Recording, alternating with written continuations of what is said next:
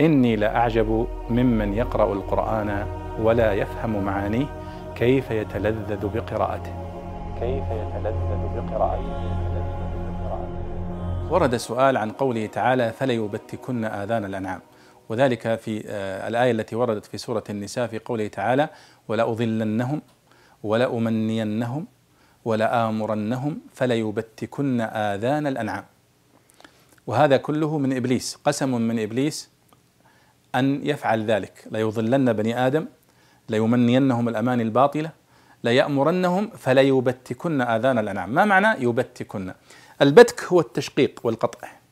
يبتكن آذان الأنعام يشققون آذان الأنعام ويقطعونها وكل ذلك هي من آثار الشرك والتقرب إلى الشياطين وهذه من مظاهر العبث بالمخلوقات.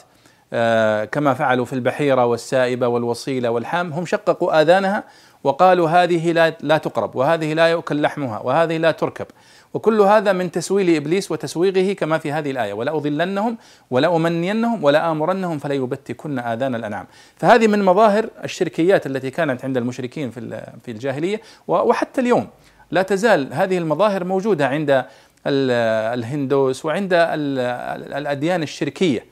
التي انتشر فيها الشرك تجدون العبث بآذان الأنعام وأنف البقر والجمال ونحوها وكل هذه تصرفات من آثار الشرك بالله سبحانه وتعالى. يتقون بها العين يتقون بها آه، ما, ما, ما يتقون مما يشركونه من غير الله سبحانه وتعالى. فإذا يبتكن معناه يقطعن آذان الأنعام والبتك هو القطع. مثله مثل البت. لكن البت يكون بت الأمور المعنوية ونحوها وأما البتك فيكون مثل الآذان والشعر ونحو ذلك. والله أعلم.